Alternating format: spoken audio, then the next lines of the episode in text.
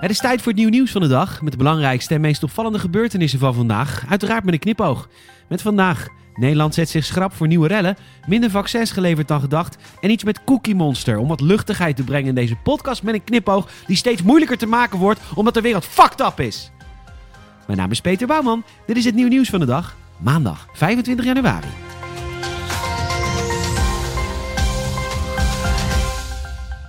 Veel steden likken hun wonden na de rellen van gisteren en ook de politiek laat zich horen.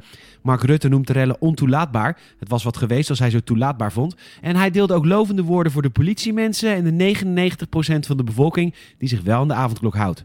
Ondertussen maken andere groepen mensen zich op voor meer onlusten. Eindbaas van de politiebond Koen Simmer schoof aan bij Nieuwsuur en hij vreest dat dit een voorbode was voor de komende dagen of zelfs weken. In Telegram-groepen wordt gesproken over rellen in Tilburg, Roosendaal en Os en ook in Nijmegen is de angst groot. Ondernemers aan plein 1944 zijn in de weer om hun winkels dicht te timmeren, wat al een prestatie op zich is. De bouwmarkten zijn dicht. Het is tijd voor het nieuw nieuwsgetal van de dag. Je krijgt nu een getal en aan het einde van de podcast de context. Het nieuw nieuwsgetal van de dag is 60 miljoen.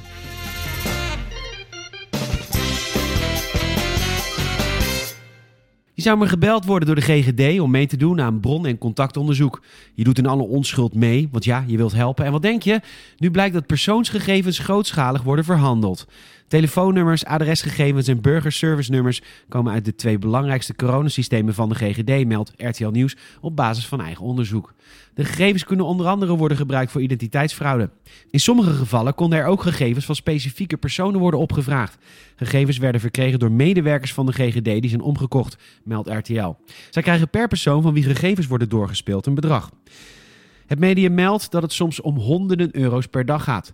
De politie heeft afgelopen weekend twee mensen gearresteerd die van illegale datahandel worden verdacht. Als je niet in de zorg werkt, onderliggende aandoeningen hebt of jonger bent dan 60, dan is de kans groot dat je straks gevaccineerd wordt met het middeltje van AstraZeneca.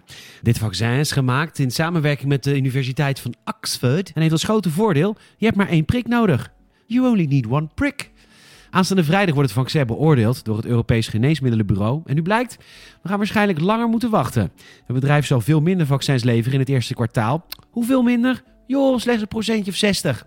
Toch blijft minister De Jonge optimistisch. Hij gaat er nog steeds vanuit dat alle Nederlanders voor de herfst zijn gevaccineerd. Hij wel.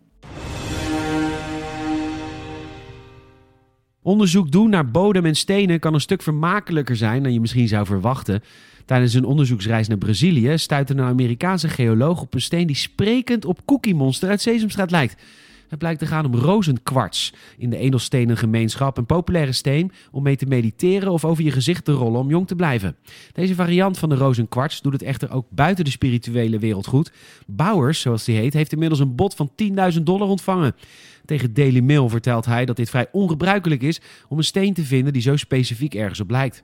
Er zijn een paar wereldberoemde stenen. Je hebt een uil, het bange gezicht en andere gelijkenissen. Maar een steen die zo goed lijkt als deze, die vind je zelden. Beelden van de Cookie Monster steen zijn uiteraard te zien op nieuwnieuws.nl. De avondrellen van gisteren hebben een opvallende petitie opgeleverd. Ene SJ de Vrede vraagt de politie om voortaan een livestream vanaf het waterkanon uit te zenden tijdens demonstraties, zodat alle thuisblijvers gezellig kunnen meekijken.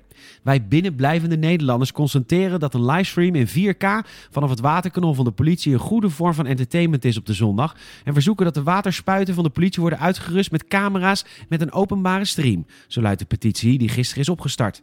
Wij Nederlanders betalen mee aan de politie en hebben het recht om vanuit onze luistoel een hoge kwaliteit mee te kijken met het waterkanon. Op dit moment is de petitie 4000 keer digitaal ondertekend. Hoeveel handtekeningen er nodig zijn om de politie van dit plan te overtuigen, is niet bekend.